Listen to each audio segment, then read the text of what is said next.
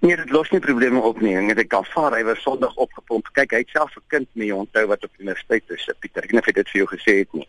Dit is baie frustrerend wat daai man gedoen het in 'n geval en regtig die arme kinders geboelie het.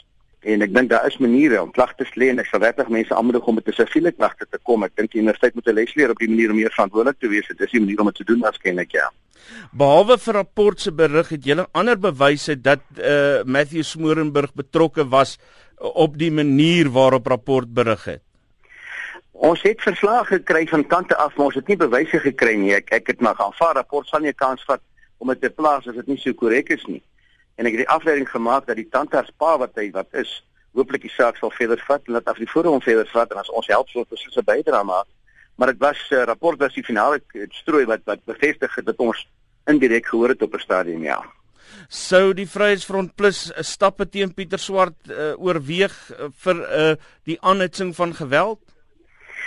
Ek dink dit is nodig om stappe te neem. Ek sal met hom praat. Ek is nie bewus van wat hy gedoen het nie. Ek sal met hom praat en sê tel net 'n bietjie down eintlik. Hou jou frustrasies vir jouself en haal dit op ons ander uit, maar ek dink nie dit is so ernstig in terme dat hy regtig vir geweld gepleit het nie.